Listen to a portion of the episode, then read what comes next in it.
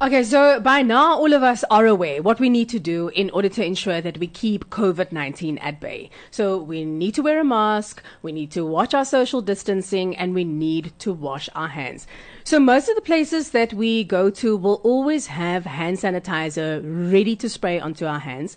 But what exactly goes into that hand sanitizer and how do we know that the one we are using is actually doing the trick so this morning we chat to quentin richards he is the director of green life africa chemicals to find out a bit more good morning quentin welcome to the show Hi, good morning, Tia. How are you? I'm doing well, thank you. I hope you are also having a good morning as well.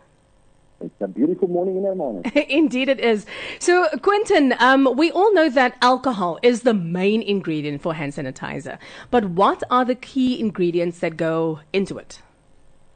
Yes, you're correct. That's alcohol is the main ingredient. Also um, specified with a very specific level to kill the germ. But with that together, um, we also need to have some additional additives like glycerine or aloe vera. Um, mm. This, of course, to protect your hands as well. So basically raw alcohol with water on your hands is uh, maybe going to kill the COVID, yeah, but it's going to have a negative effect on your skin. Most people suffer from eczema, uh, skin irritations, and so on. And with constant use, without the correct formulation, you're going to encounter a problem in the long run. And many people have been experiencing this. So your basic mix is your alcohol, water, and of course moisturizer mm. with your normal um, sanitizer is. And it matter what uh, which sanitizer we use?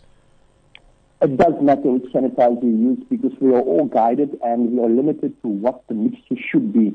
Most people are using very funny things. I've, I've heard some funny stories of people using stuff which is not compliant. Mm. And um, basically, what we want to do is to ensure a, a good, healthy, safe sanitizer, which is not going to have a negative effect on skin irritations. And this has been the cause. So your basic mix is alcohol, which would be nothing less than 65% and not exceeding 70. And then, of course, glycerine is something which is uh, known as a moisturizer, and your balance would be your water additive.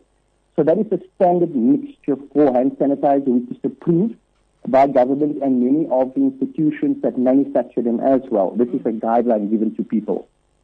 Okay, so I'm going into a store and I'm a little bit skeptical. So how do I actually check with them that they are using a certified hand sanitizer? I mean, this is to be honest with you, I didn't even know that one has to check if the sanitizer is certified. Um, yeah. But yeah, interesting one.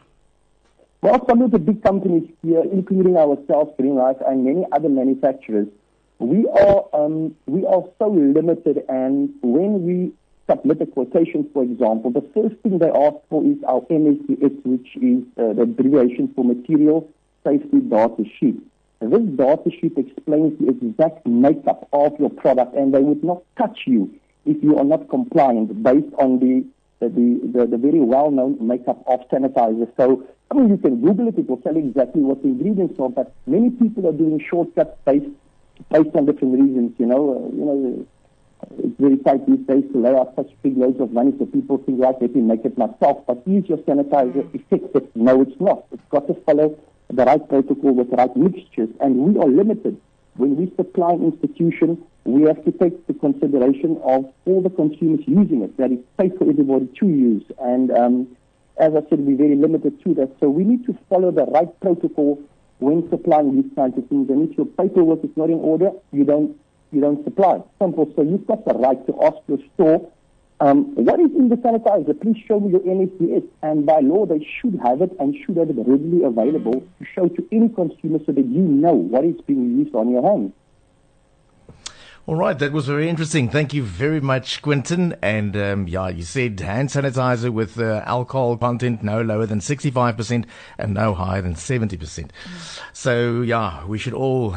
Um, I think we should all be aware. Be aware, yeah. yeah. And it's yeah. true, you know, these uh, hand sanitizer, it, it, really it dries out your hands and your skin. Mm, mm. And um, as you said, people with eczema really struggle a lot. But thank you very much. And uh, thanks for being a part of the show today. Thank you, Lady Tiger. Thank you. you. Take you care. too. Bye. Bye.